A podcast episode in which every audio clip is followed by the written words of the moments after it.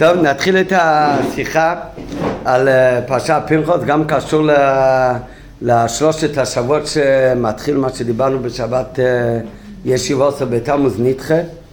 כן? היום זה מוקדש לכבוד בעל היום הולדת, רבנו עוזיאל, שיהיה לו שנת הצלחה, וגשמיאס, ברוכניאס, וכל הדברים הטובים.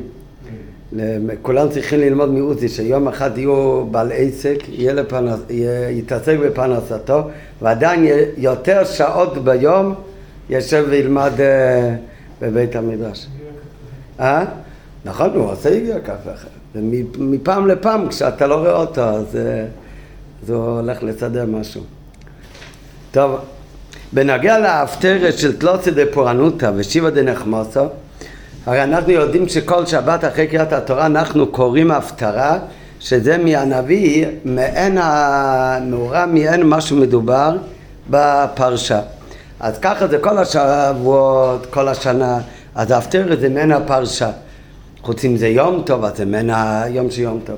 אבל מפרשת הקרובה, מהשיבוסו בתמוז עד סוף שנה, עד אחרי ראש שנה יום כיפור, יותר ההפטרות הן לא מעין האמורה בפרשה, אלא ההפטרה היא לפי הזמן.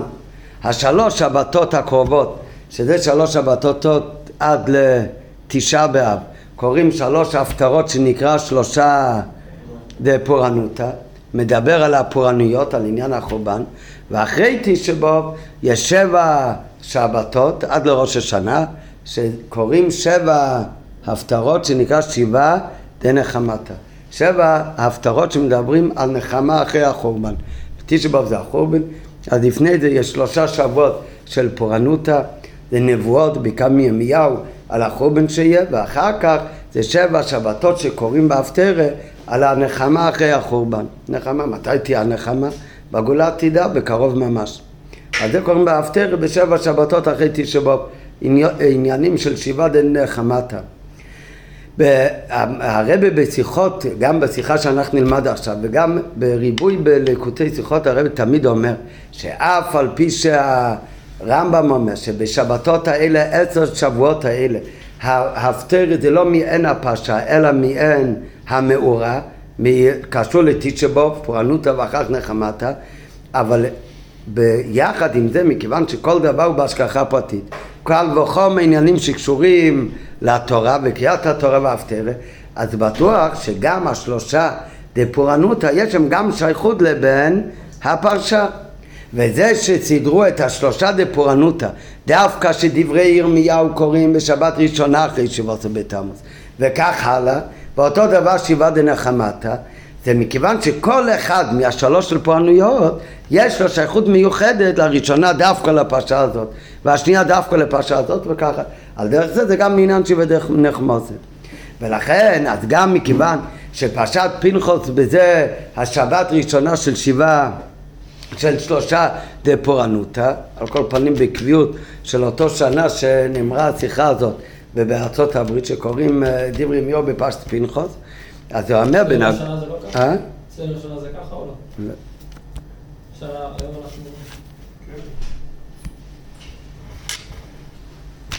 עוזי אומר שכן. בנוגע להפטרה של... אה? כן, כן, כן, כן, כן, נכון, נכון, נכון, אתה טועה. הם, סך הכל, אצלנו יש... לא. לא, לא, למה? השבוע הזה יהיה פרשת פרחוס.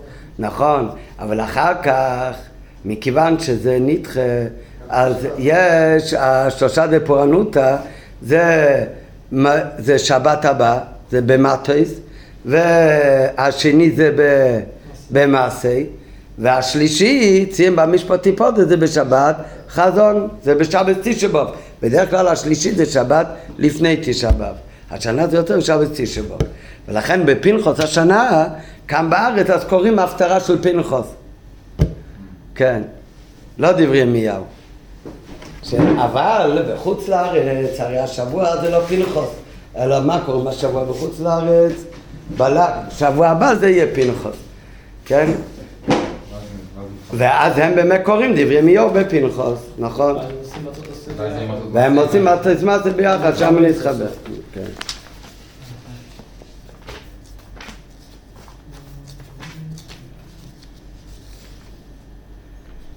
הפטרה לפרשת פנחוס, כשמטת מעשה אינו מחובר, זה השנה. השנה יוצא לנו באמת לקרוא בפרשת פנחוס את ההפטרה של פנחוס ולא של שלושה דפורענותא. בארצות הברית, כל אלה שישמעו את השיעור מחוץ לארץ, אז שמה זה באמת מתאים גם. לכן אמרתי שבחוץ לארץ זה באמת מתאים, שבשיחה הזאת הוא מצביע הקשר בין פנחוס לבין שלושה דפורענותא, שזה הנבואה, מי אמר את הנבואה לחורבן? ירמיהו. והשיחה הולך להצביע הצד השווה בין פנחוס לבין ירמיהו. לעומת השיבה דנחמת הנבואות על הנחמה זה בעיקר על ידי הנביא ישעיהו וזה יותר מקביל למשה רבנו. אז זה נלמד בשיחה שפנחוס מקביל לירמיהו ומשה רבנו לישעיהו. בנוגע להפטר של תלותא דפורענוסה ושיבה דנחמתה כבר נדבר כמה וכמה פעמים שאף על פי שאינם עניין הפשיות אלא לפי הזמן ולפי המאורע מכל מקום כיוון שכל העניינים בטרם בתכלס הדיור מובן שגם להפטרות אלו יש שייכות לא רק לזמן ולמאורע אלא גם לפרשיות התורה שקרים ביסוד זמן אמנם מצינו קשר ברור בין ההפטרת של פרשתנו דברי ירמיהו שבתחילתה, בתחילתה של ההפטרה שאנחנו נקרא רק שבוע הבא אבל שם זה ביחד עם פרשת פנחוס שבתחילתה של הראשונה משלושה פורענות המסופר כיצד נעשה ימיהו לנביא? אז יש לזה שייכות לפרשת פנחוס מה השייכות בין פנחוס לימיהו? כתוב במדרש שהן פנחס והן ימיהו יצאו ממשפח, ממשפחת נוכיה גם פנחוס וגם ימיהו שתיהם יצאו ממשפחות שלא היו מיוחסות פנחוס היה מבת פותיאל, כמו שרש"י אומר בתחילה הפרשה שלנו, שהשבטים היו מבזים אותו, ואמרו ראיתם בן פותי זה שפיתם אבי אמו הגלו, הגלים לעבודה זרה ועכשיו הרג נשיא שבט בישראל. אז מה רואים מכאן? שפנחוס היה לו ייחוס מצד אחד מאוד מכובד, בן אלעזר בן ארנה כן, מצד שני אבל הגיע מבן uh, בת פותיאל מישראל. וירמיהו, אז גם כן הייחוס שלו היה מבני בניה של רוחב. כן, היה גם כן ייחוס לא הכי מכובד. כן, כשנכנסו בבני ישראל לארץ ישראל, אז היה שם, על החומה הייתה אישה, קראו לו רחב הזונה, ושמה, דרך אגב, מה, מה פירוש הפשוט רחב הזונה בתחילת רבי ישוע? נכון, מוכרת מזון, כן, אבל עדיין הייתה מהכנענים, מהגויים בארץ ישראל. והיא התגיירה ומבני בניה יצא ימיהו הנביא. הכל בסדר, אבל השורש המשפחה היה ממקום אה, אה, לא מכובד. ולכן היו בני ישראל מזלזלים בהם. זלזלו בפנחוס, זה מה שרש"י מביא בתחילת הפרשה שלנו. אמרו לו, הנה הוא עכשיו מקנא נגד נשיא שבט שיסתכל מאיפה הוא בא. וגם בימיהו הנביא, אז גם כן זלזלו. מי הוא ימיהו הנביא שאומר מוצר לבני ישראל? מאיפה הוא מגיע? מבני בניה של רחב. ולכן, בא הקדוש ברוך הוא וייחס את פנחוס אח הארן הכהן כמו שכתוב בתחילת הפרשה שלנו, שלא כמו שאלה שזלזלו בו, שהוא לא מכובד אלא אדרבה, מה הייחוס האמיתי של פנחוס, שהוא בן אלעזר בן ארן הכהן, וגם את ייחוסו של ימיהו מפרט הפסוק. בתחילת הנבואה של ירמיהו כתוב דברי ירמיהו בין חלקיהו מן הכהנים וגמר. שהפסוק מייחס את הצד של הייחוס המכובד שלו אז זה, יש איזשהו שייכות בין פנחוס לבין ירמיהו. שתיהם היו ממשפחות מבוזות גם כן. ובשתיהם הפסוק אבל רוצה לתת להם כבוד ומייחס את חלק המכובד שלהם. גם בתחילת הפרשה שלנו זה על פנחוס בן אלעזר בן ארנקי, וגם בנוגע לימיהו בתחילת ההפטרה, שהוא היה מן הכהנים בגמר. אמנם ברור הדבר, ששייכות ביניהם זה יוצא לא שייכות בתוכן בין הפרשה לבין ההפטרה. זה אפילו לא שייכות ממש בתוכן בין האיש פנחוס לבין האיש ימיהו.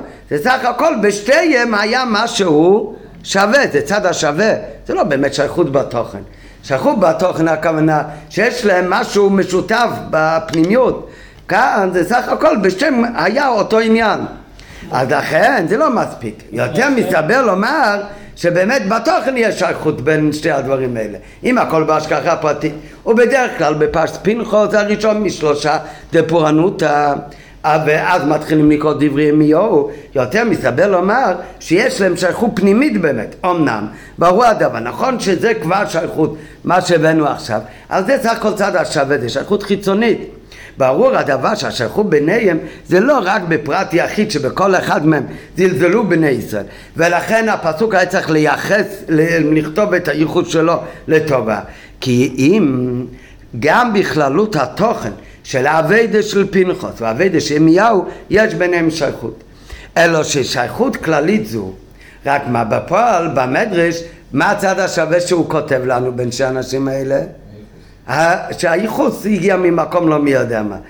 אז מסתבר לומר שבוודאי יש להם שייכות פנימית בתוכן כללי בבית השם שלהם.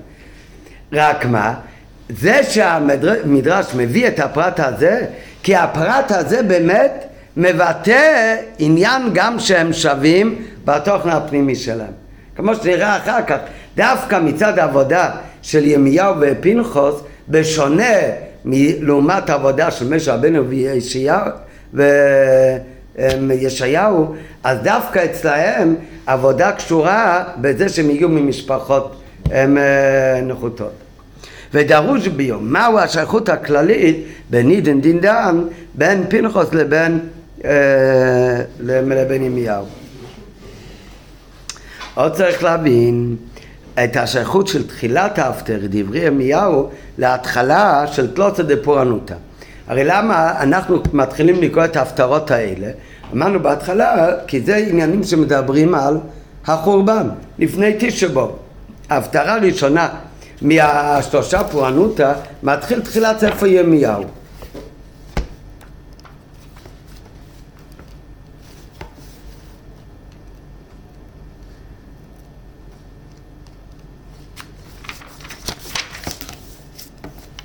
דברי, דברי ירמיהו בן חלקיהו מן הכהנים אשר בענתות.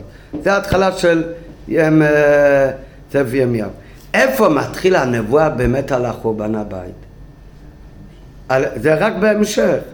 בהתחלה כל עיקר ההפטרה שאנחנו נקרא שבוע הבא בעזרת השם זה מדבר איך הקדוש ברוך הוא בחר ומינה את ירמיהו לנביא, איך הוא הפך אותו לנביא. בסוף כתוב, ויהי דבר השם אליי לאמור, הלוך וקראת באוזני ירושלים לאמור, כה אמר השם, זכרתי לך חסד נעורייך, אמ, סליחה, לא, לא, לא, לא, קודם. ויהי דבר השם אליי שנית לאמור, מה אתה רואה? ויאמר אמ, השם אליי, מצפון תיפתח הרעה על כל יושבי הארץ. כאן מתחילה הנבואה על החורבן. זה בהפטרה בפסוק י"ד, משם מתחיל לדבר על החורבן. כל ההפטרה, כל ההפטרה היא סך הכל 22 פסוקים, רוב ההפטרה בכלל לא מדברת על החורבן. זה הכל תחילת ספר ימיהו, איך הקדוש ברוך הוא בחר בימיהו להיות נביא. ואליהו בהתחלה הוא ויאמר הנה לא ידעתי דבר כי נער אנוכי מי אני שאני אהיה נביא? אני לא מתאים אני בכלל נער אני לא מסוגל לדבר. ויאמר השם אליי אל תאמר נער אנוכי כי איפה שאני אשלח אותך אתה תלך. כל מה שאני אצווה לך אתה תדבר. אל תירא מפניהם כי איתך אני להצילך נו השם.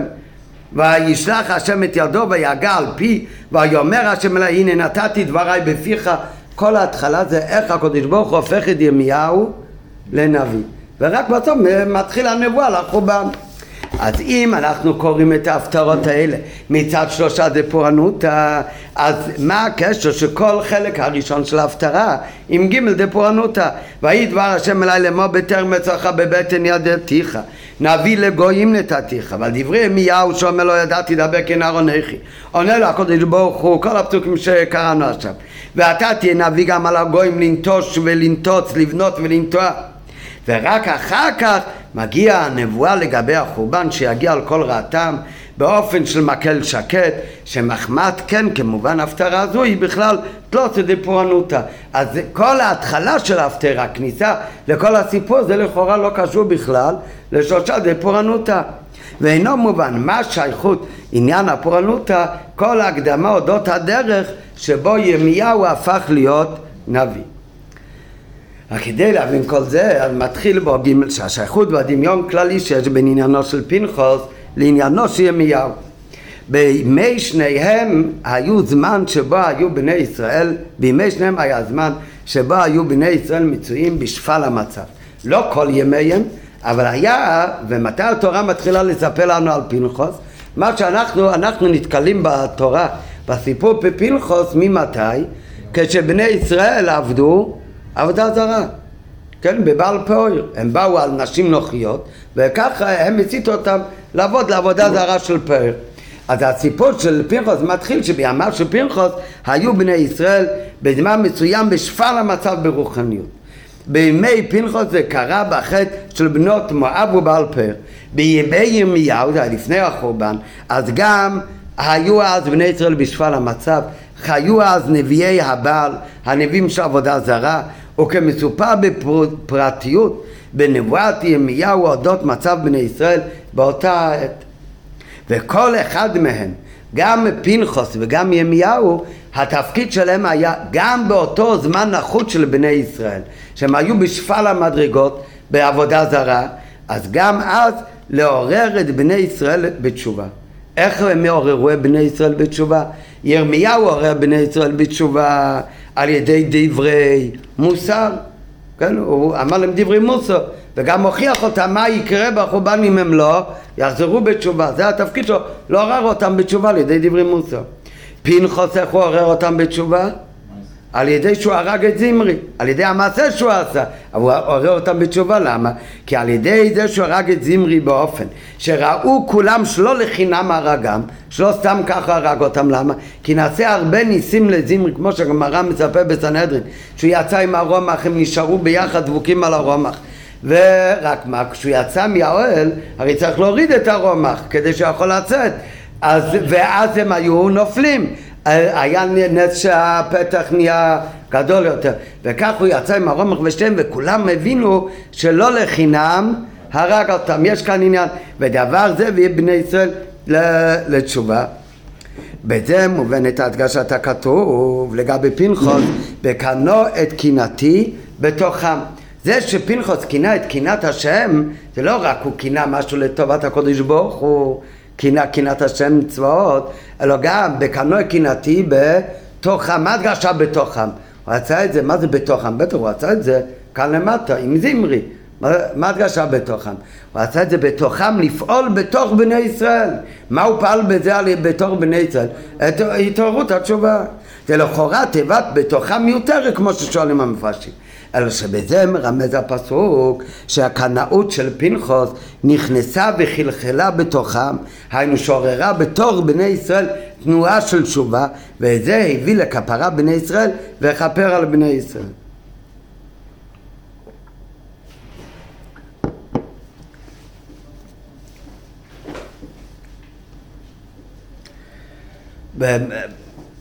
זה בפרשת פנחוס. השיחה שאנחנו לומדים עכשיו זה הקשר בין פרשת פנחוס לבין ההפטרה של דברי ימיהו. אבל אמרנו מקודם שאנחנו בארץ ישראל השנה בפרשת פנחוס לא קוראים דברי ימיהו. אלא מה אנחנו קוראים? אה? את ההפטרה, מה זה ההפטרה של פנחוס?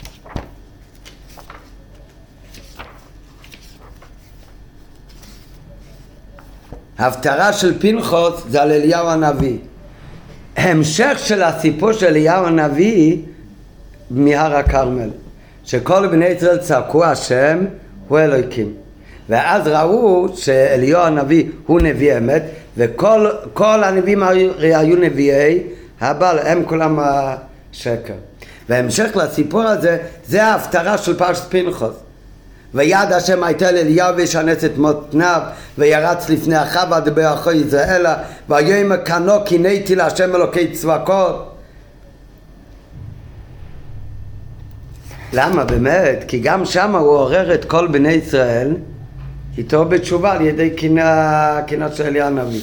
אז זה מה שמביא כאן בהערה, שלכן ההפטרה של פרשת פנחוס, כשקוראים אותה לפני תלתא דפורענותא, כמו אנחנו כאן השנה, שאז ההפטרה היא מעין הפרשת, זה המשך הסיפור של אליהו בהר הכרמל, שזהו לא רק כי בשתיהם כתוב עניין של קנאות, קנאות אל יהושע על דרך הקנאות של פנחוס, כי אם גם כי הקנאות של אליהו גרמה לתשובה של בני ישראל. איפה היא גרמה לתשובה של בני ישראל? כתוצאה ממה שעשה לי הנביא, כל בני ישראל צעקו, והיה כל העם ויאמרו השם הוא אלוקים, השם הוא אלוקים.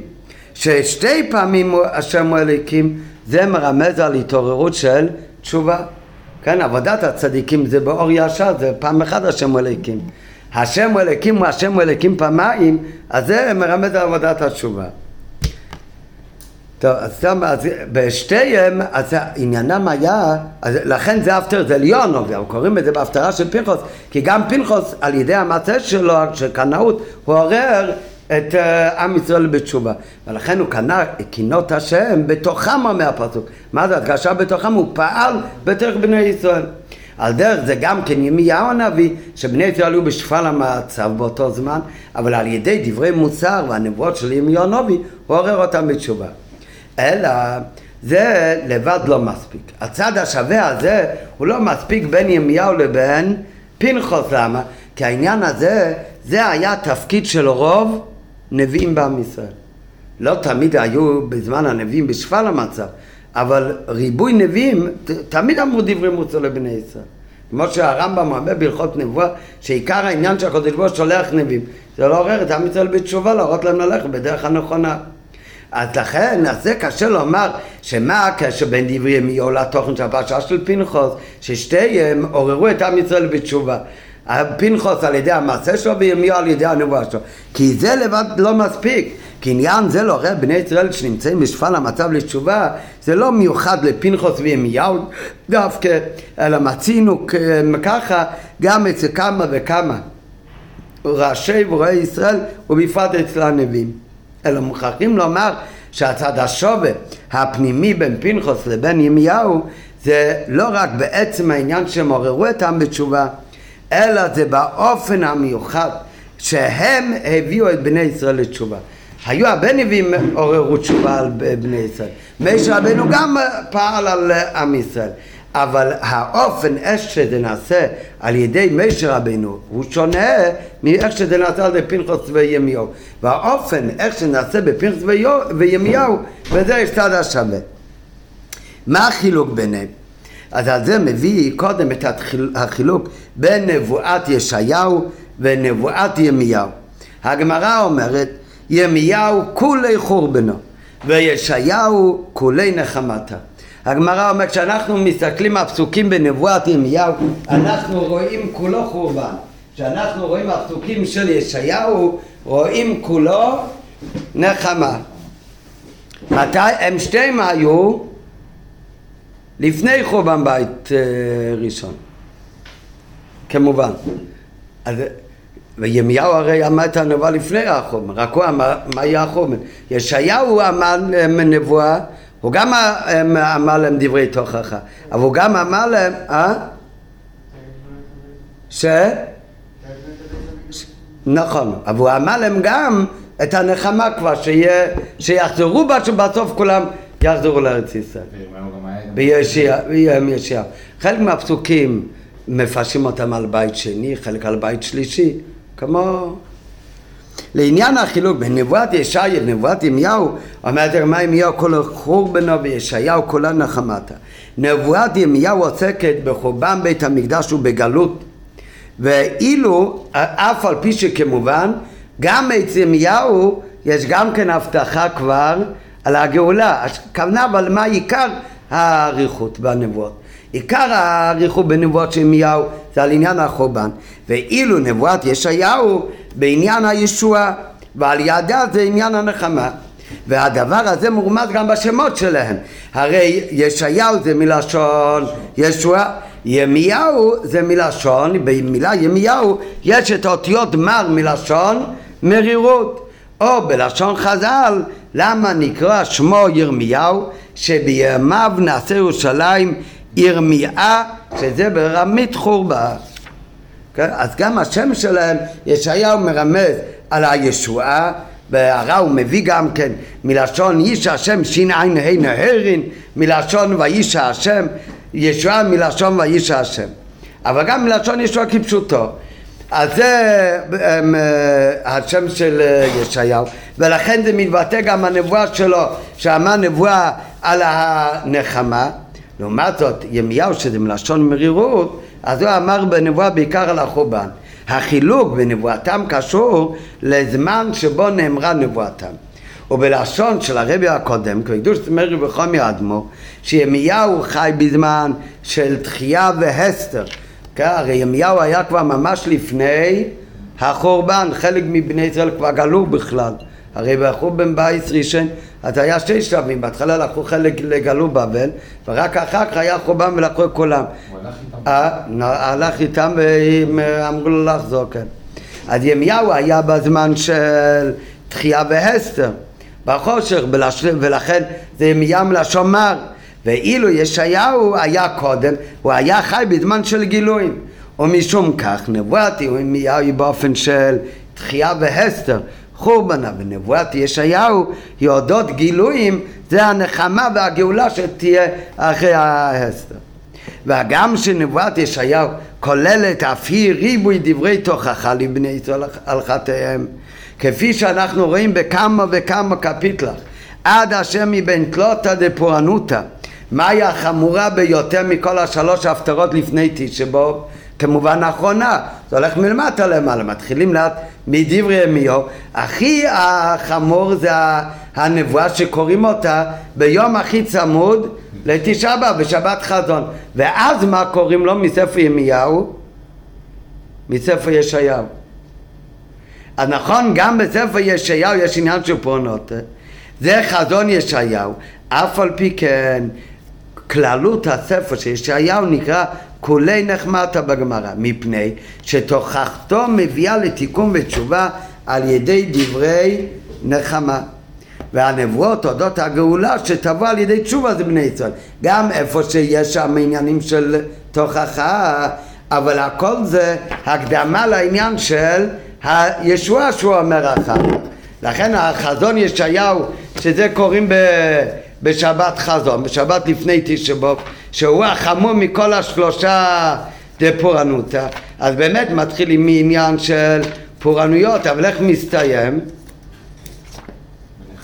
בנחמה, מה, מה זה הנחמה שהוא מסיים בה?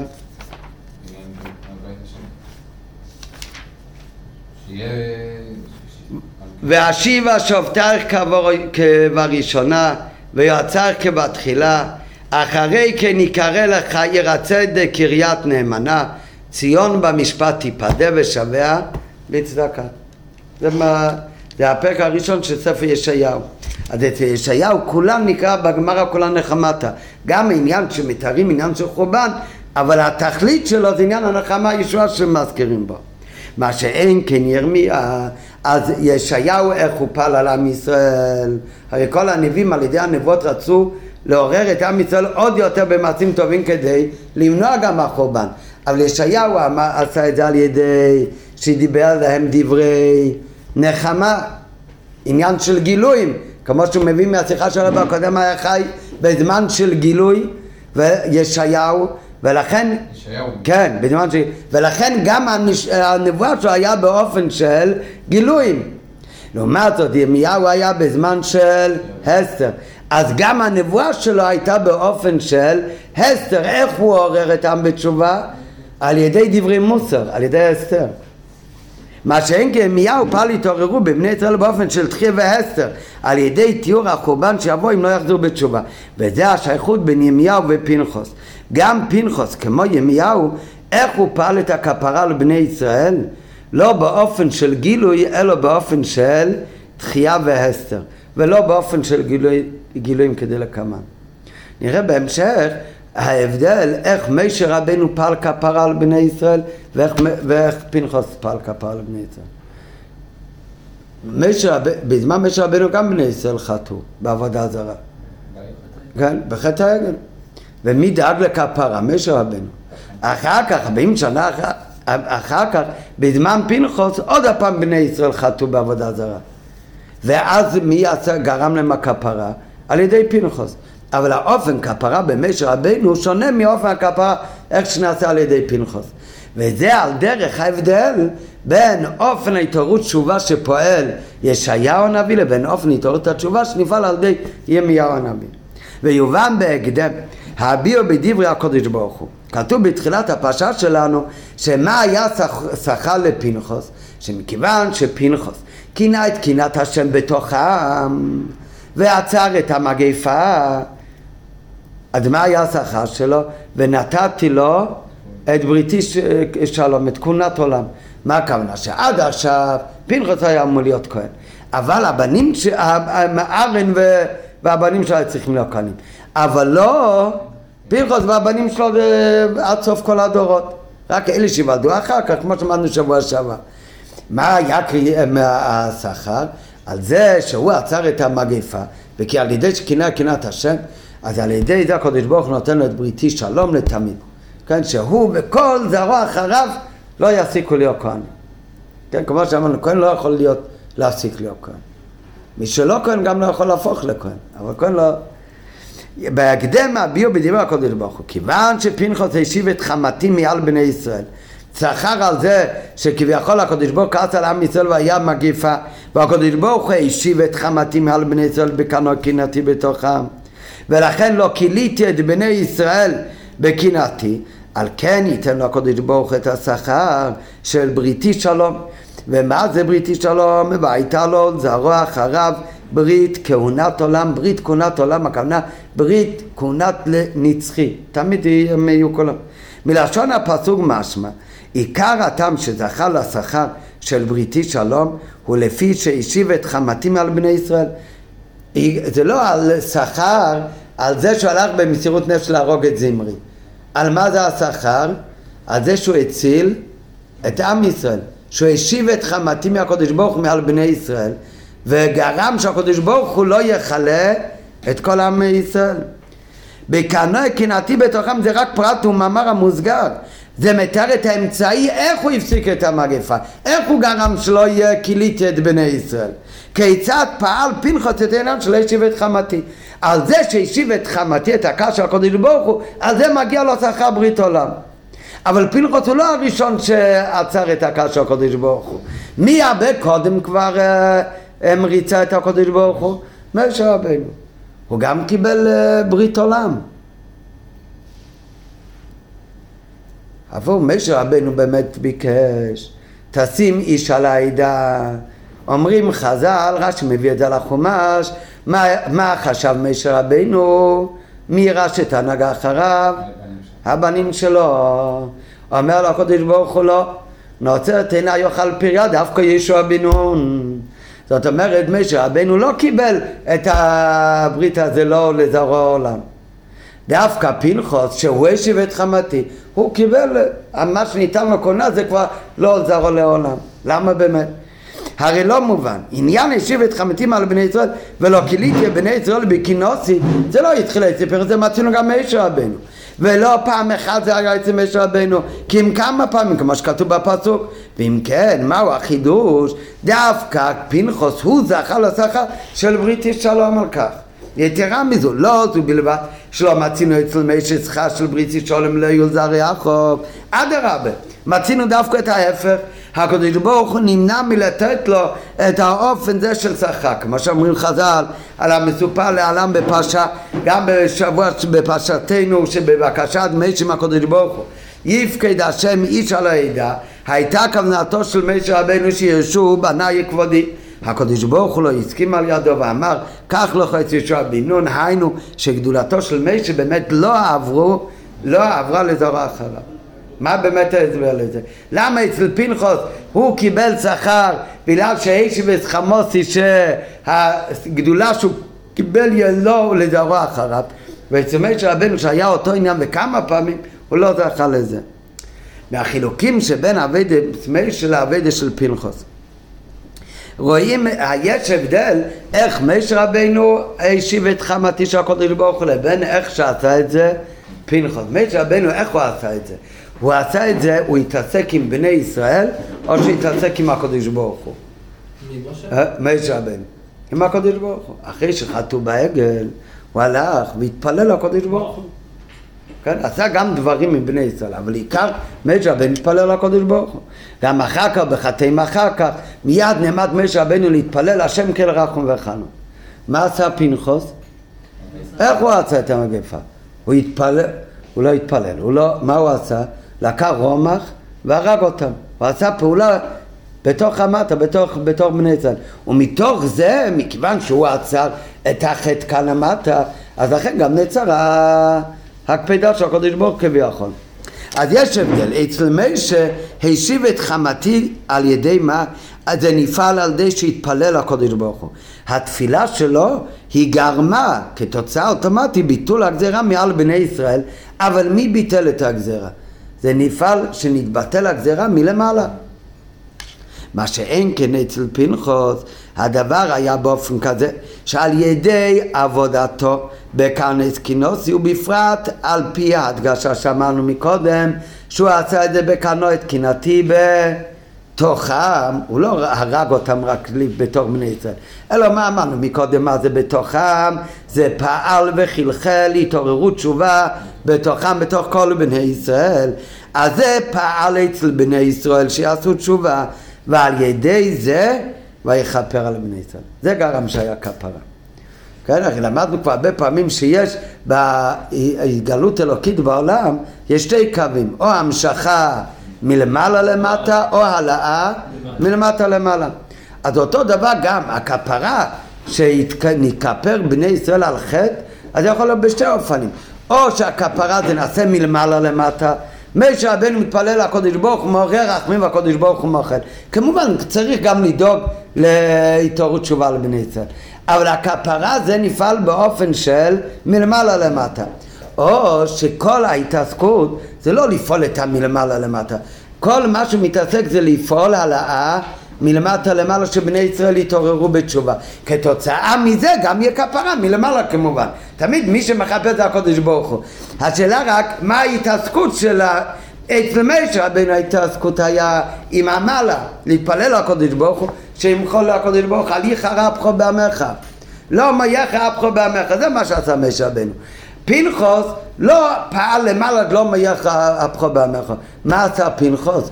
הוא דאג לה למטו, הוא דאג שבני ישראל יתעוררו ויעשו תשובה. בני ישראל יתעוררו ויעשו תשובה, אז גם הקודש ברוך הוא מחל להם ונפסק הגזירה. זה הבדל אחד. ב' מי שהתייצב למען בני ישראל עד למסירות נפש. מה היה מסירות נפש שהיה למשה רבנו כדי להציל את בני ישראל? הוא אמר, אם אתה לא מוחה להם, וכן ינם מספרה שכתבת. נו, אז את מה הוא מוסר? את הנפש שלו, את הנשאר, את הרוחניות שלו, שלא יהיה חלק, הוא לא יופיע בתורה. הוא ימות משה רבנו, הוא לא, הוא לא ימות. הרי הגזרה הייתה על אלה שחטאו בעגל. אבל אפילו כשהקדוש ברוך רצה לכלות, השם ישמע את כל עם ישראל. אז גם אז הוא אומר, ממי אני אעשה את העם? בני אבות, ממך. אז מה משה רבנו מצא? הוא מצא את הרוחניות שלו, הוא אומר, אם ככה, אם אתה לא מוכר להם ממעין מחי נינה, מצבך אשר כתבת. פנחוס כדי להפסיק את האחרון אף של הקודש ברוך הוא. אז על ידי מה זה הוא עשה את זה? על ידי המטו שהוא פעל אותם, עורר אותם בתשובה. איך הוא עורר אותם בתשובה? על ידי שהוא הלך והרג את זמרי וקוסבי. כשהוא הלך והרג אותם, כאן את מה הוא סיכן? לא את הרוחניות שלו. את, את גופו כפשוטו. הרי באותו רגע, על פי הלכה, אם היה זמרי מתהפך והורג אותו, היה מותר לו באמת. וזמרי לא היה חייב מצווה מה היה עושה את זה. כי לגבי זמרי אז היה לו כמו דין של רודף. או, לא ממש, אבל יש בזה אריכות, אבל זה בטוח שהיה יכול להרוג אותו. ולכן אצל משה זה היה מציאות נפש אם אני מכין לו מספרך אשר כוספתו זה מציאות נפש מצד הנשמה. אילו אצל פנחוס זה היה מציאות נפש כפשוטו הוא העמיד את גופו בסכנה ממש כמובא בדברי חז"ל שביקשו שבט שמעון להורגו והוא ניצל בדרך נס. מובן הוא פשוט שאם למשה רבנו כדי להציל את עם ישראל היה צריך להיות מסירות נפש לא רק ברוחניות אלא גם עם הגוף שלו היה מוסר לו? בוודאי היה מוסר. אבל בפועל לא היה צריך בפועל מה שהיה עומד שם על הפרק זה רק עם עין מכן הנה מספרך אז זה לא אומר שאצל משה רבנו אם היה צריך זה לא היה בפועל ממש אבל אצלו היה עניין של מציאות נפש מצד הנשמה לא היה מצד הגוף אם היו צריכים, הוא היה מוכן בוודאי גם למסור את הגוף. אבל זה בפה לא מה שקרה. הוא מסר את נפשו, אם אין מכן לא מספרכו. לעומת זאת, אצל פנחוס, מה שבפועל הוא העמיד בסכנה, זה באמת היה הגוף. מובן הוא פשוט שמה שלא מתאים אצל מי שעניין שמציץ נפש בגוף. זה לא הפירוש חס ושלום שלא היה מי שנכון לזה, מוכן לזה. ודאי, אילו נדרשה מציץ נפש בפעילה, משה רבנו גם עושה את זה. אבל הטעם הוא שבפועל לא זה היה מהות עבודתו ולכן כך זה גם היה בהשגחה פרטית שבפועל ממש המציאות נפש של משה רבנו עבור עם ישראל זה היה יותר מציאות נפש מצד הנשמה אצל פנחוס בפה המציאות נפש עבור עם ישראל זה היה מציאות נפש מצד הגוף וההבדל הזה קשור להבדל הראשון שאמרנו אצל משה רבנו כל העניין היה המשכה מלמעלה למטה. אז אופן הכפרה זה עלייה היה על ידי שהתפלל הקודש ברוך שמלמעלה התקפל עם ישראל. ולכן גם כן המציאות נפש שלו זה הכל עניין שהמשוך מלמעלה למטה. מה שנרגש אצלו זה תמיד המעלה זה הנשמה שלו. בוודאי משה רבנו היה נשמה בגוף, לא היה אבל הגוש שלו היה מזוכח זה היה אמצעי, הגוש שלו העיר כמו מה שהעיר אצלו תמיד זה הנשמה. היה לו גם גוף מזוכח, אבל למה? גם זה היה מצד הנשמה, הנשמה כל כך העירה אצלו שהגוף לכתחילה היה גוף מזוכח, זה הכל מלמעלה למטה. ולכן גם כן המציאות נפש זה עיקר התבטא בזה בעניין של הנשמה. אצל פנחוס העבודה שלו היה העלאה מלמטה למעלה יותר. זה הפועל עניין של זיכוך הגוף. ולכן גם איך הוא פעל בתוך בני ישראל. זה היה לעורר אותם במטו לעבודת התשובה ואיך הוא מעורר אותם בתשובה? על ידי פעולה עם המטו על ידי שהוא הרג את קוסבי וזמרי. ועל ידי זה הוא עורר אצלהם עניין התשובה וכתוצאה מזה גם יהיה כפרה. אז זה הכל מתוך המטה. ומכיוון שעבודה זה מצד הזיכוך המטה, לפעול את זיכוך המטה, אז לכן גם המציאות נפש של פנחוס, זה מה שקשור בעיקר לעבודה של פנחוס, זה העבודה שקשורה לגוף שלו, זה מטו, זיכוך המטה, אז איזה מציאות נפש היה נרגש אצלו? מציאות נפש כפשוטו מצד הגוף. נקודת הביור בהפרש שבין העבודה של מישה לעבודה של פנחוס וזה מובא, כתוב גם שפנחוס זה אליהו. נראה בהמשך זה גם, הם, חלק מהדברים האלה כתוב בחסידס, זה גם נכון בנוגע להבדל בין מישה לאליהו. נראה אולי יותר מאוחר. העבודה של מישה הייתה בדרך מלמעלה למטה, מצד גילוי ואילו עבודת פנחוס הייתה בדרך מלמטה למעלה, זיכוך המטה ולעתו למעלה. ולכן עניינו של מישה היה בעיקר משה קיבל טרם מסיני ומסרה לאישה. עיקר עניין של משה רבנו, הרי כתוב שבני ישראל היה להם שש שושבינים, משה רבנו וארן.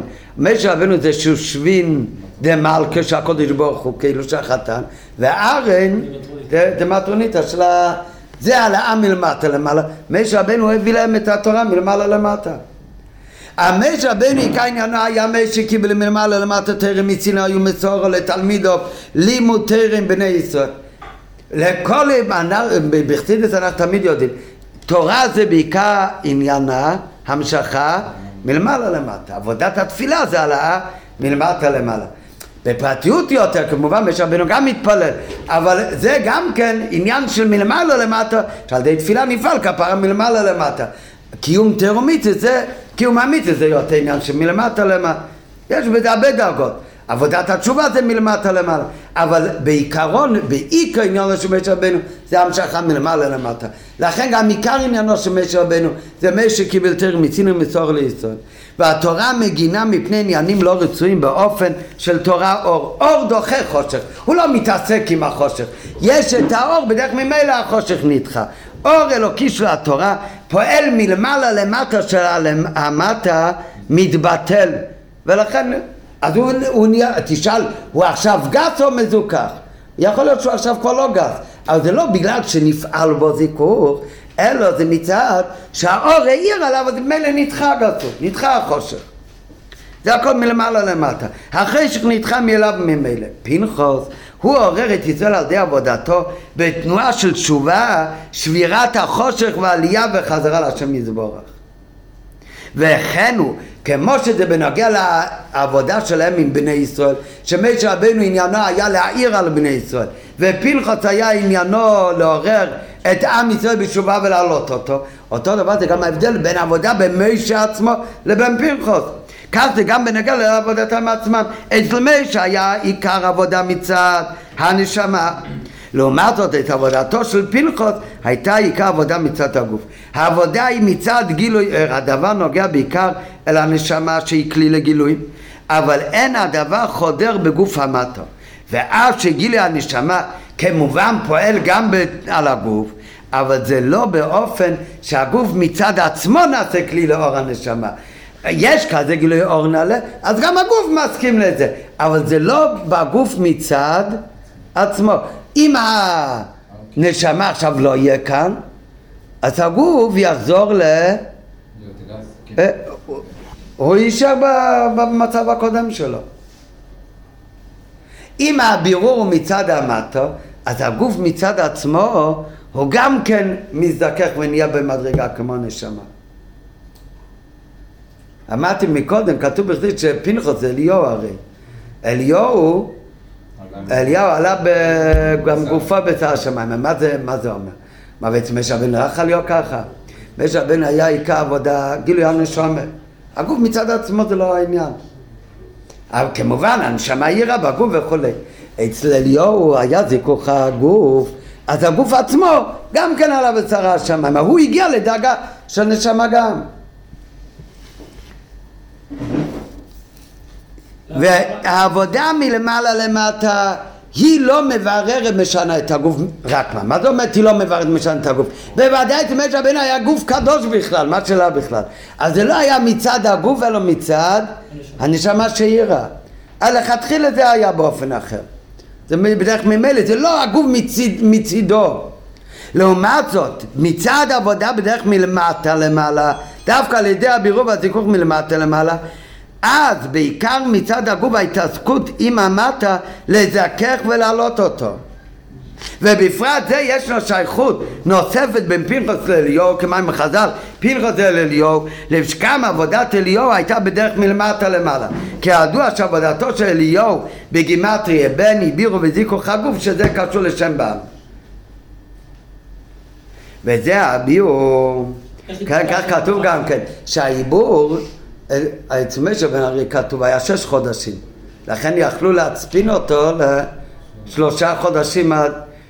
אצל אליהו כתוב היה עיבור עשרים ושתים עשרה חודש, הפוך, לא פחות זמן, יותר זמן, כן? לא יודע מה זה אומר בגשמית, הוא מביא בסמך ווב שזה ההבדל, אצל משה רבינו היה עיקר גילוי הנשומת, אז אצל אליהו היה עניין הגוף דווקא, בירו רמתו ולכן היה יותר אה, זמן אה, העיבור שקשור לגוף.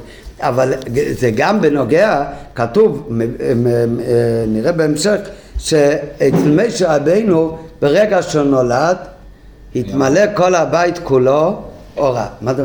לכתחילה עיר אצל הנשמה, זה הכל מלמעלה למטה. זה, אם זה מצד עבודה ומזיכוך המטה, אז מה זאת אומרת? הוא נולד, העיר כל הבית כולו אורה, עוד לא היה עבודה, עוד לא היה בירור וזיכוך מלמטה למעלה. אלא הייתי משווה, הכל היה באופן שמלמעלה למטה. זה נשמה אחרת לגמרי.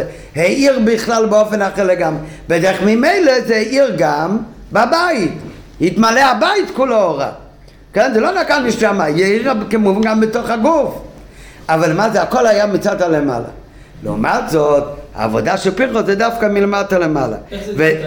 פנחס? מה? איפה אצל פנחס שהעבודה הייתה מלמטה?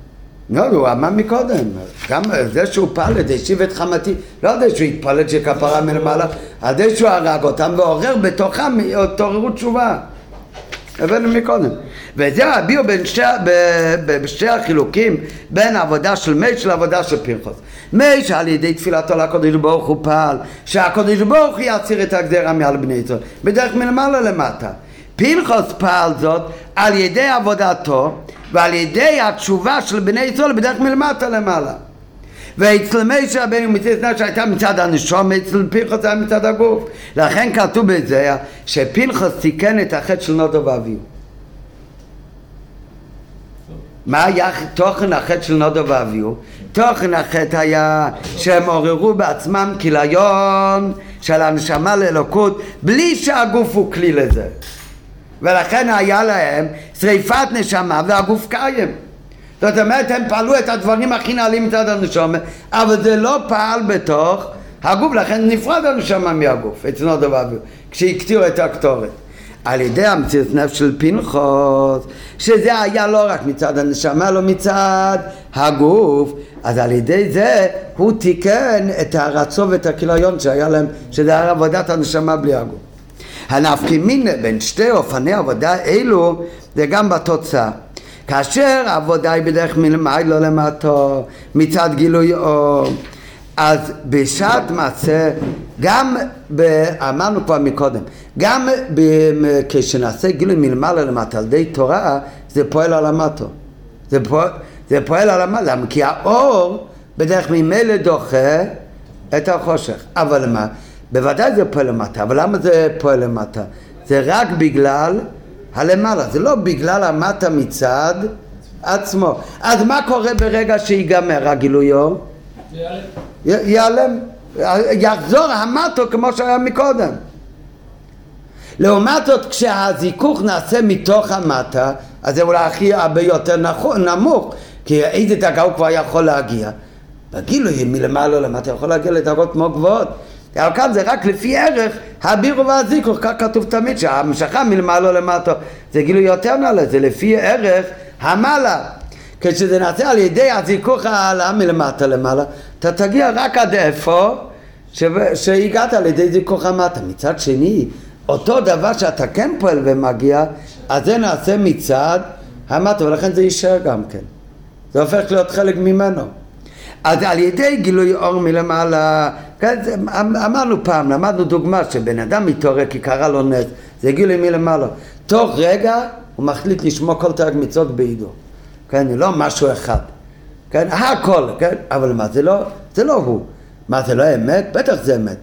כי היה לו עכשיו נס גדול, הוא ראה את המוות לפניו, ולכן זה נתן לו כזה זבנג, כזה אור גדול. הוא החליט באותו רגע, הוא משנה כל החיים שלו. הבעיה הוא שההתעוררות הזאת, הנס קרה, הוא זוכר אותו יום, יומיים, חודש, אחרי שנה נשכח. והוא מצד עצמו הרי לא ישתנה. זה הכל היה רק בגלל הגילוי מלמעלה. ברגע שהגילוי חולף, אז הוא יחזור, לחזור כמו שהיה מקודם. לעומת זאת, מי שעושה את השינוי מצד עצמו לא קרה לו שום נס. איך הוא התעורר? מלמטה למעלה. הוא למד, הוא התבונן, הוא עוד קצת ועוד קצת.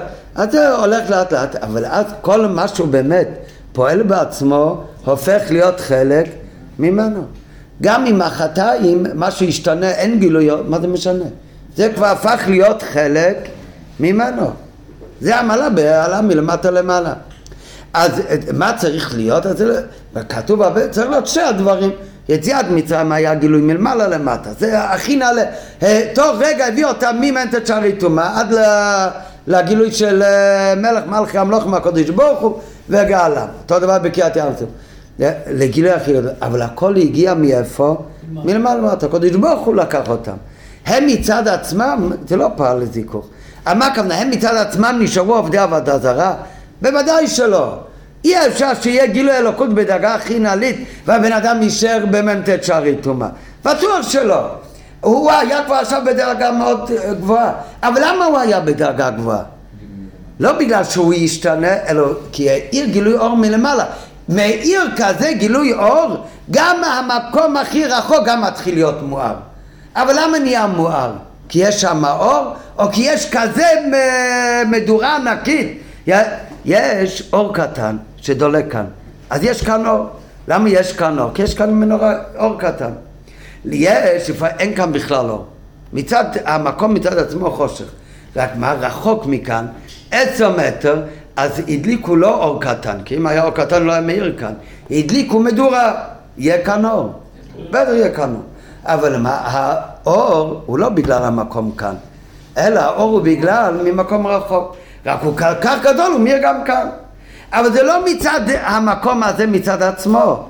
ולכן אם שם לא יהיה מדורה, כאן יישאר אותו חושך. כן? אז על, על דרך זה, אז זה גם כן בעניינים בהמשכה אלוקות מלמעלה למטה עלה מלמטה למעלה. המשכה מלמעלה למטה זה לא הכוונה זה לא פועל בעולם. בטח זה פועל. אבל זה פועל לא מצידו אלא מצד המעלה. ולכן כל זמן שיש את המעלה אז הוא באמת בעולם אחר.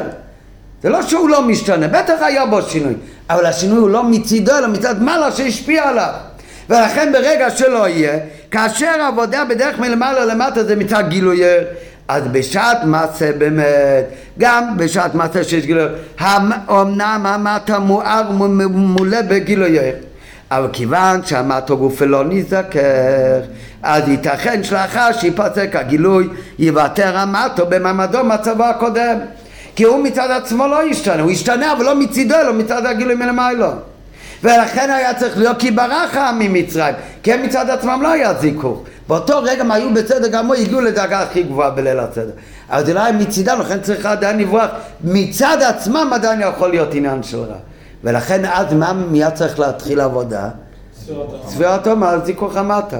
עליו מלמטה למעלה, כדי שזה יחדור בפנימיות. וזהו שמצינו במתנתרא, שאף על פי במתן תורה, אצל כל בני ישראל פסקה זו המתן. לא היו אמורים למות. ב... לא, הם יואבו, הם לא היו אמורים למות, זה גם נכון, אבל העיקר שהם לא היו אמורים לחטוא יותר, אין להם יותר יצורת. פסקה זו המתן בישראל. איך יכול להיות 14 יום אחר שבעות בתמוז עושים חטא העגל? הרי פסקה זו המתן במתן תורה. אתה יודע למה? כי למה פסקה זו תורה? כי וירד השם על הר סיני. הכל היה מצד גילוי מלמעלה למטה, לא מצד הביאור וזיכוך למטה. וזהו שמצינו מתנתרא, שאף על פי שמתנתרא פעל פוסקו זה המוסם אצל בני ישראל, אבל אחרי מתנתרא בכל זאת היה מקום לחטא העגל. ועל ידי חטא העגל חזרה זו המתן. אבל איך בכלל היה יכול להיות חטא העגל? הרי פסקה זה המתן. זה לא היה מצידם, זה היה מצד מלמעלה. אה? אה? תשמע, הכל הוא יחסי. כן, בוודאי, אם לא ספירה סוימר, לך תדע, זה היה עוד יותר גרוע. בוודאי, הספירה זה מופל. אבל הפוסקו זו המוסם שהיה במתנתרא, אז זה לא היה לפי ערך הזיכוך שלהם, זה היה ביותר מהזיכוך שלהם. ולכן באמת יכול להיות אחר כך עוד פעם עניין של חטא עגל ויחזור זו המתן. זה הרי כתוב, לכן הגאולה עתידה, זה ההבדל בין הגאולה ממצרים. ובפרטיות יותר, כמו שנלמד בשלושה שבועות, בית ראשון, בית שני, בית שלישי, בית ראשון זה היה גילוי מלמעלה למטה, מלמעלה למטה. לכן זה בית ראשון. ולכן היה יכול להיות בו בסוף חורבן, לא היה זיכוך לגמרי. הבית שני זה היה על ידי עבודת התשובה, שעלה מלמטה למעלה, אבל מצד שני, מכיוון שזה על ידי עבודה, אז זה מוגבל לפי המטו, אז גם בו היה עניין של חורבן. הבית שלישי יהיה בו שתי עמלות ביחד. גם הגילוי מלמעלה הכי גבוה, וגם שזה יחדור למטו בפנימוס, ולכן זה יהיה גאולה של אחרי הגלות. זה יהיה בית נצחי. אבל כאשר העבודה היא בדרך מלמטה למעלה, הרי המטו גופו מזדכך ומתעלה, וזהו עניין שקיימה. לכן הכפרה שפעל פנחוס לא הייתה רק לפי שעה, אלא הייתה זו כפרה תמידית, ודבר נמשך, כמו שכתוב בספרי על הפסוק, ויכפר על בני ישראל, כתוב שעד עכשיו לא זז, אלא עומד ומכפר עד שיחיו המתים. כאילו שהפנחוס הוא מכפר על העוון של בעל פאר, זה לא היה חד פעמי, אלא זה כפרה נצחית. רק מה, על מי עוד כתוב ככה? על משה רבנו. אז זה לכאורה קצת... אה, כאן כתוב, אם זה מצד מלמעלה למטה, זה לא אמור להיות תמידי. כן, אבל כך כתוב באמת ש... אבל להעיר שם שקברו של מוישה הוא מול בייס פאר, שגם הוא עומד תמיד ומכפר לבני ישראל. כן, אף על פי שמוישה עניינו זה הרי מלמעלה למטה, אז זה לא צריך להיות תמידי, כן? אבל בשבוע שעבר למדנו בשיחה שאצל המסירת נפש, אצל הרב הקודם זה היה לידי נשיא הדור, בפנחוס המסירות נפש היה על ידי פנחוס, לא על ידי משה רבנו. וכל זאת, למדנו בסוף השיחה, יש למה שזה כן היה קשור למשה רבנו, למה? כי מאיפה היה נשיא נזכח לפנחוס? נכון, מזה שמשה רבנו אמר לו שקראיני די איגרסה יהיו לב ופרוונקה שמי שקורא את האיגרת הוא יבצע גם כן. אז זה קשור, גם הפעולה של פרס קשור למשה רבנו. וזהו הטעם, לכן אבל באופן כללי בוודאי העבודה ומה שפעל כפרה על בני ישראל וההתעסקות עם בני ישראל אצל משה רבנו הכל היה באופן שמלמעלה למטה. משה קיבל תרם מצין המסור לישועה אצל פנחוס עבד הייתה להיות בציר, בתוכם לפעול הזיכוך מתוך המטה בתוך בני ישראל. לכן עכשיו גם מובן אצל משה רבנו גם פעל להציל כל עם ישראל. אבל לא קיבל את השכר שיהיה לו לזרוע אחריו. כי אם זה באופן שמלמיילו למטו, אז זה לא פועל הזיכוך מצד המטו, אז לכן יכול להיות בזה גם שינויים. ולכן זה לא צריך להיות דווקא אצל בניו אחריו. אצל פנחוס שהעבודה הייתה דווקא מצד זיכוך המטו, וכך הוא גם פעל בתור בני ישראל. ולכן אצלו גם המציאות נפש שלו היה מצד הנשום אלו מצד, מצד הגוף. אם זה מצד למטה זה עניין נצחי, אז לכן מה השכר מידו כנגד מידו גם אצל פנחוס, שקיבל את תכונת עולם לא לזרוע אחריו. וזה הטעם שהשכר של בריתי שלום לא לזרוע אחריו ניתן לפנחוס דווקא כיוון שעניין זה שפנחוס השיב את חמתי היה באופן שאין בו שום הפסק על כן כי זה היה מצד בירו המטו, על כן היה גם השכר מידו כנגד מידו, בריתי שלום נמשך גם כן לא לזרוע אחריו ללא הפסק. טוב, אז עד עכשיו למדנו הבדל בין פנחוס לבין משה רבנו.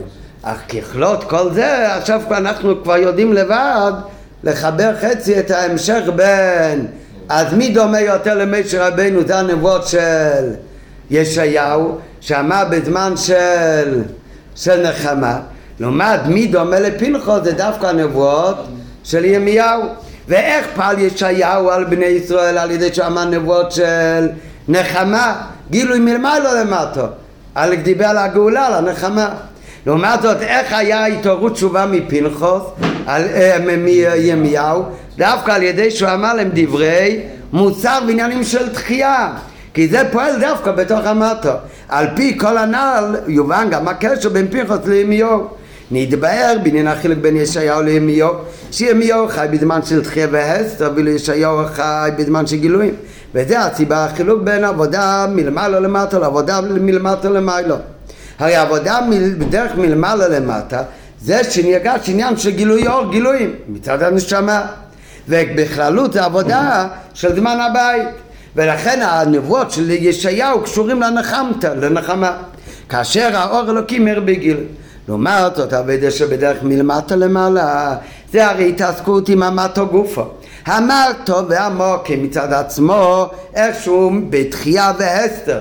שבעבודתו הפרטית של האדם במה זה מתבטא שהעבודה צריכה להיות לברר ולזכך את הגוף ונפשה בעם מצווה חלקי באילם וכללות הזמן הרי זה עבודה בזמן הגלות. חורבן. שלא להתפעל, להתפעל מהקשיים והניסיונות שבאים מצד החשך של הגלות ועד להפוך את החושך גופה לאור ולילה קיים יום ולכן זה גם קשור לעוד עניין שאמרנו בהתחלה מה אומרים חז"ל בתרץ שבעל פה מצד השובר בין פנחוס לבין ימיהו ששתיהם הגיעו ממשפחה נוחית. מה זה מבטא? המשכה מלמעלה למטה או מלמטה למעלה? מלמטה למעלה. שאף על פי שהם הגיעו בכלל ממקום, ממשפחה נוחית, משם הם התעלו להיות בדרגה של נבואה. אז זה גם מה שפנחס ומיהו, שניהם נולדו ממשפחת נוחים. משום כך היו בני ישראל מזלזלים בהם. ובפרט זה, בפרט הזה, שהם הגיעו ממשפחת נוחים ובני ישראל זלזלו, בא לידי ביטוי באמת הנקודה המשותפת, לא באיזה פרט צדדי, אלא זה מבטא עבד השם שלהם. שהעבודה שלהם הם לא באופן כמו ישעיהו וימי של רבינו, המשכת אלוקות באופן מלמעלה למטה, אלא הן בנוגע לעצמם. שהעבודה הייתה בירו והעלאת המטו שבהם את מאיפה הם הגיעו ממשפחת נוכיה והן בנוגע לסביבתם ופעולתם בעולם בכל מקום הם לא פעלו באופן שמלמעלה למטה אלא מלמטה למעלה שמבלי הבט על זה שהסביבה מזלזלת בו שזלזול בני ישראל ויחד עם זה שזה המטו הכי גרוע שהם עוד מזלזלים בך גם שמה בתוכו מופעל עניין של התעוררות תשובה גם בזה הם עוררו בבני ישראל עצמם תשובה. בהמשכה מלמעלה למטה אין האור מגיע ופועל אלא מקודם אמרנו שמלמעלה למטה איפה זה פועל זה, זה גם פועל במטו, רק לא מצד המטו אלא זה מצד זה שהאור מאיר בכל מקום כשזה לעם מלמטה למעלה אז זה נפעל גם בפנימיות מצד המטה, לכן זה נצחי. זה ההבדל שאמר מקודם בשיחה. עכשיו הוא מוסיף, אבל יש עוד נקודה. בהמשכה מלמעלה למטה, אז יגיע האור, מצד המעלה. עד איפה האור יכול להגיע? האור יכול להגיע רק אותו מטה שמצד עצמו אין שם האור, אין זיכוך. אבל הוא גם לא מפריע לאור. אין שם חומה. באיפה שיהיה חומה שהוא לא ייתן לאור להיכנס, אז גם אם יש מדורה גדולה בחוץ, לשם כבר האור לא יגיע. זאת אומרת, המשכה מלמעלה למטה, אז נכון זה גם מאיר על המטה, אבל זה רק מאיר על המטה כזה שיכול להגיש אור. יש מקום ששם האור לא יכול להגיע. לעומת זאת, בבירו וזיכוך המטו, הרי משנים את המטו. כשאתה משנה את המטו, אז המטו שאין תחתון למטה ממנו, גם הוא יכול להפוך להיות כלי לגילויו. אם המשכה היא רק מלמעלה למטה, אין האור מגיע ופועל, אלא במתק כזה שאינו הפך האור.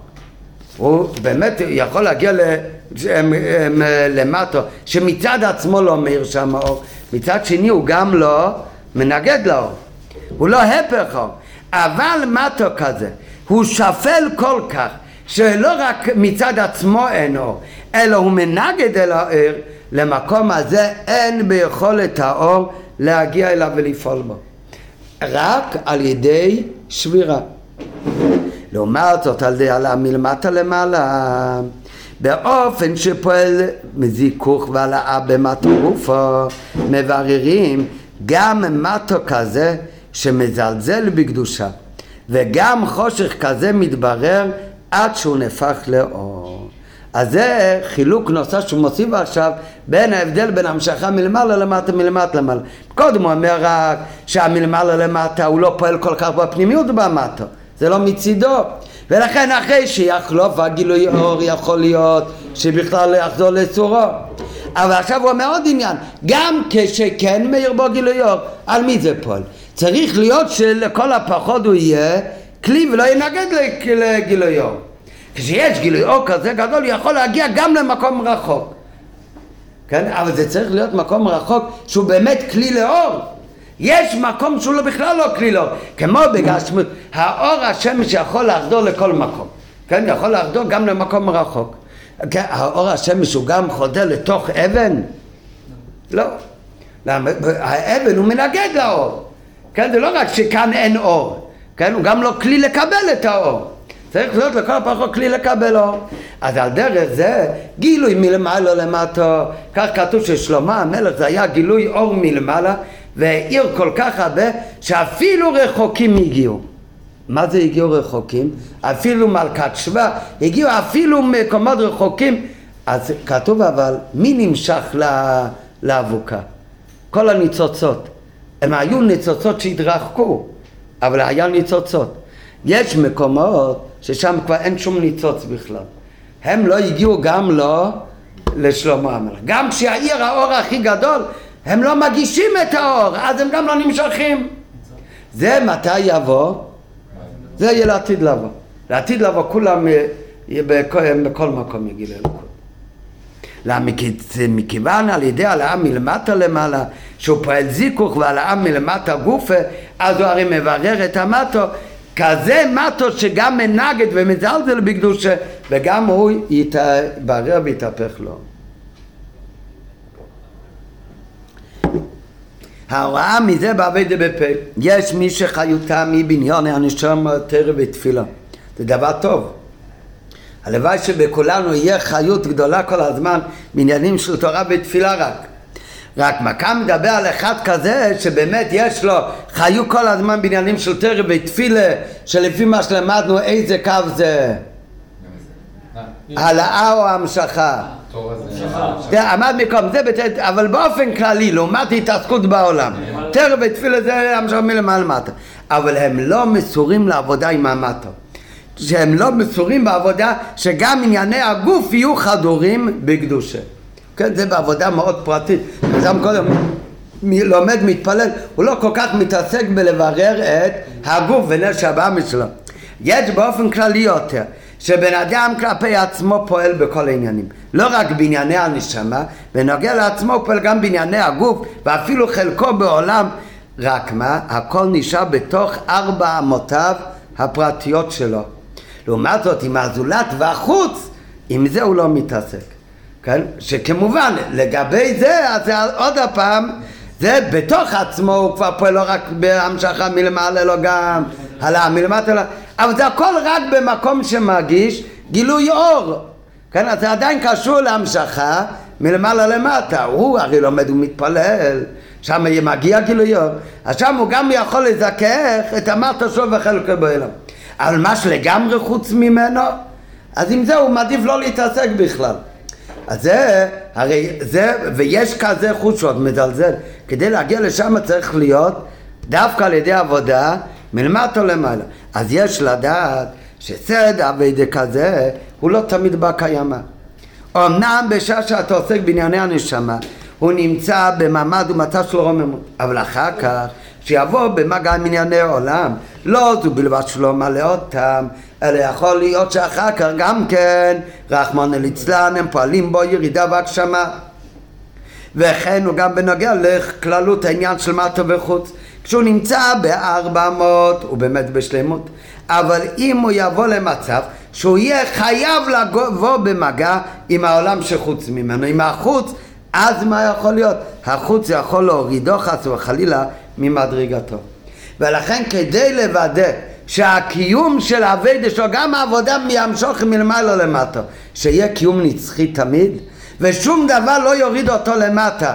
לא העבודה שלו בעניין העולם הזה, ולא המקום של חוץ שהוא יום אחד אולי ייקלע לשם.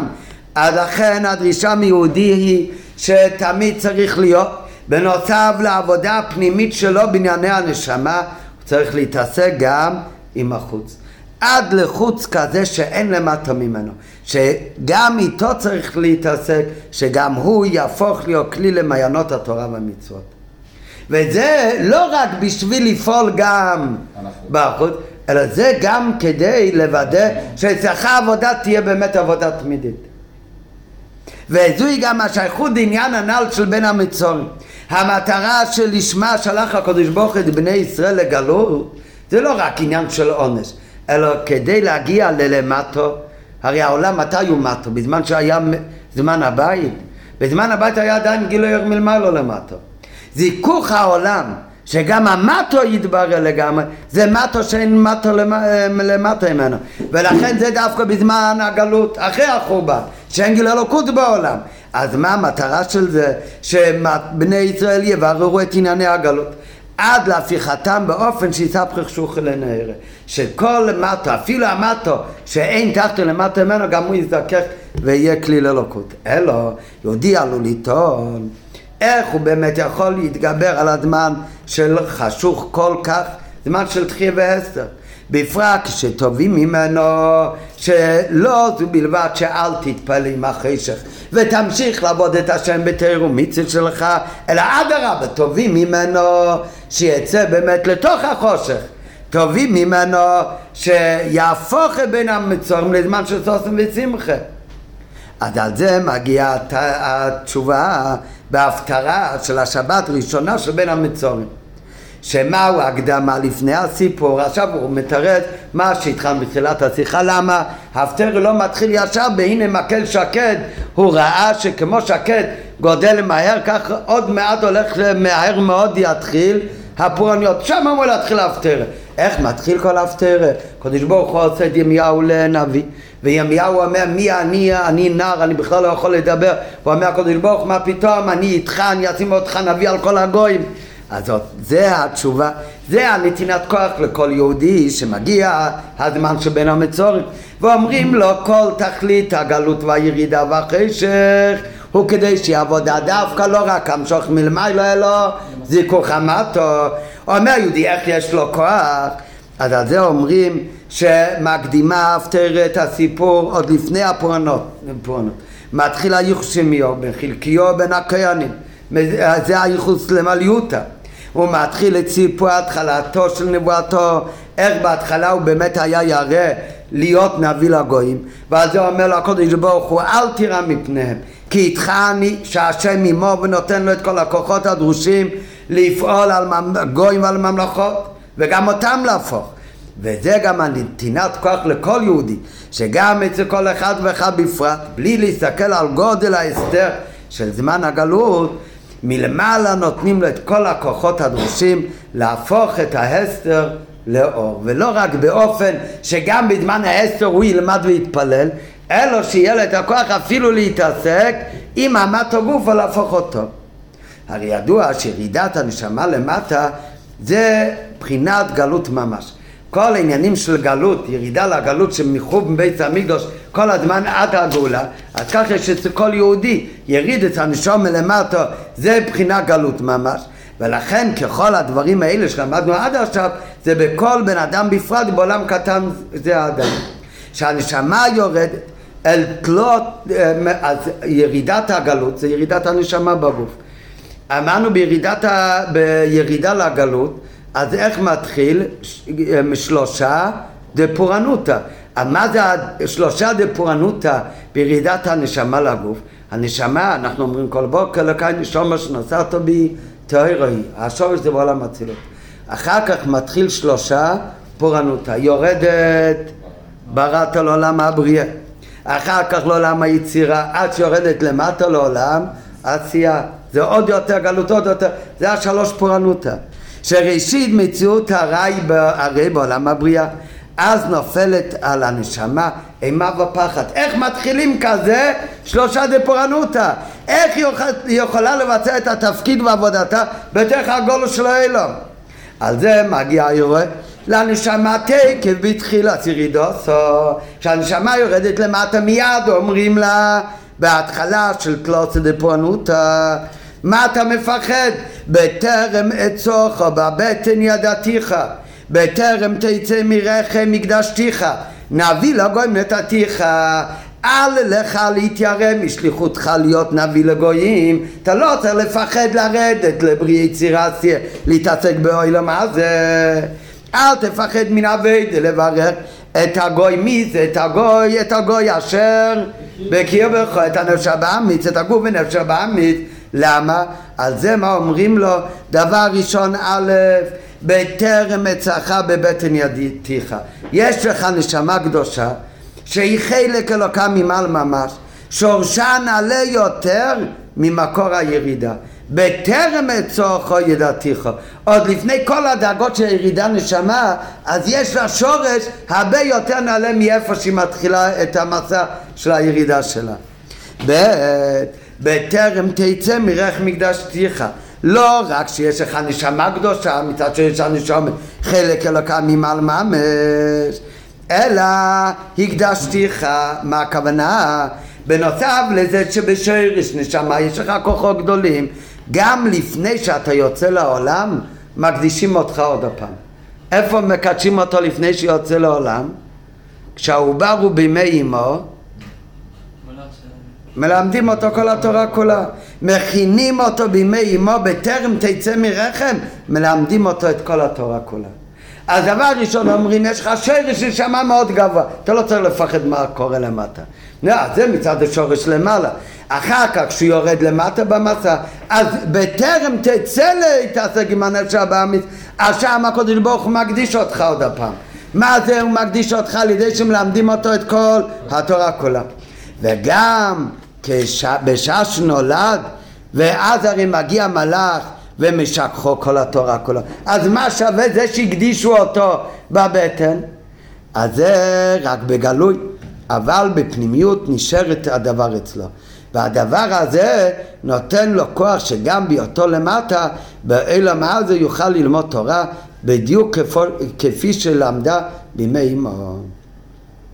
טוב, ממשיכה אבל הנשמה לטעון, טוב, זה הכל מצד הכוחות של הנשמה בשורש, וגם אחת לפני שהיא יוצאת, מלמדים אותה את כל התורה, נותנים לה כוח, ואפילו שהיא שוכחת מזה אחר כך, אבל בפנימיות נשאר לה משהו, וזה נותן לה את הכוח ללמוד ואחר כך לפעול בעולם כמו שהייתה בימי אמו.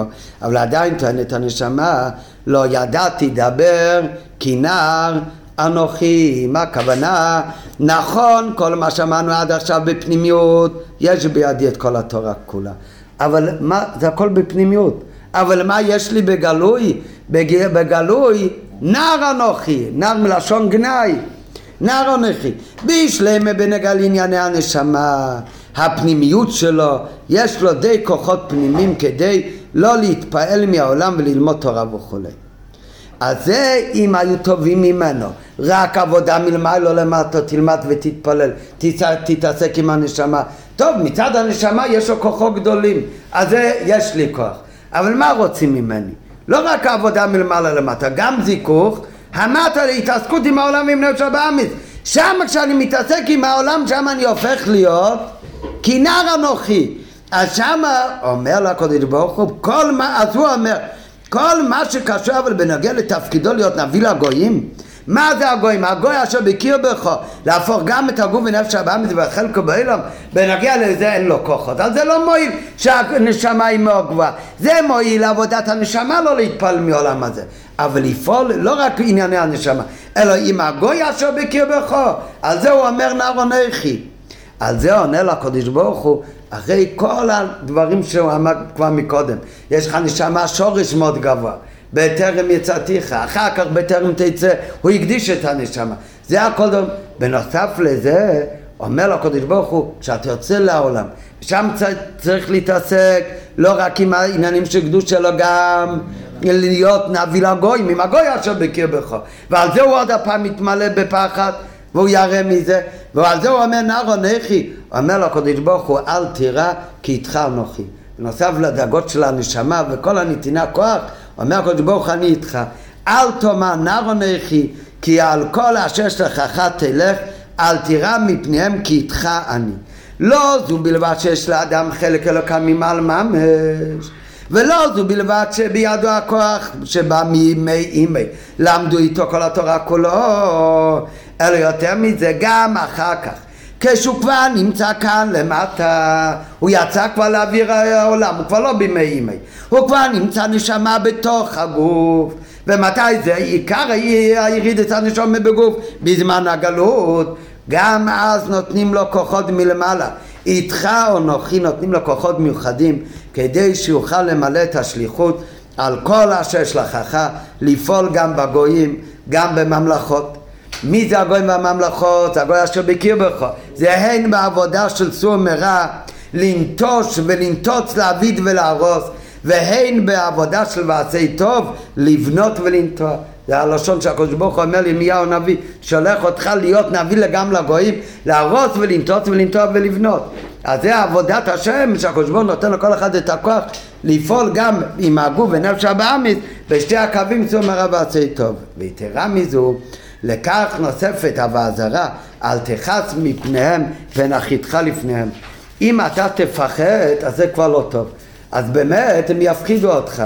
אל תעלה בדעתך שתוכל להסתפק בהצלת עצמך. אני את נפשי הצלתי, ואם העולם אתה לא תעסוק בטענה כי הנער אנוכי, כי הוא מפחד מלהתעסק עם העולם.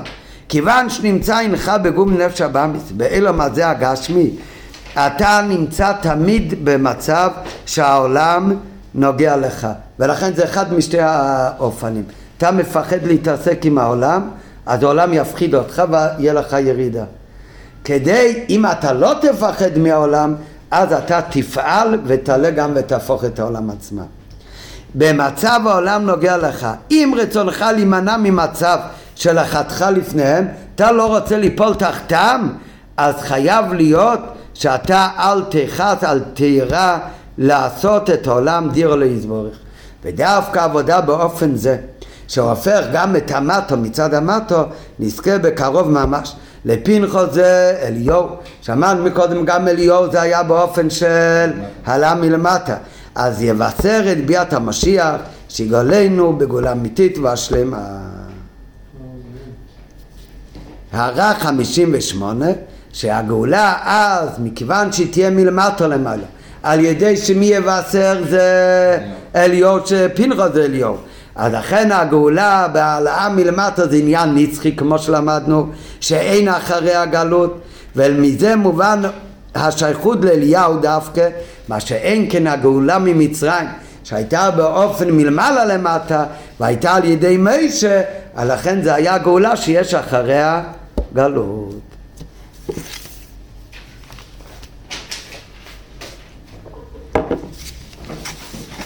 טוב, תיקחו שיהיה בשבת, איזה שבת כזה ארוכה, אז אם במצפה רמון אחת צהריים כבר אה, הם אה, יגמרו להתוועד, אז יכולים לחזור.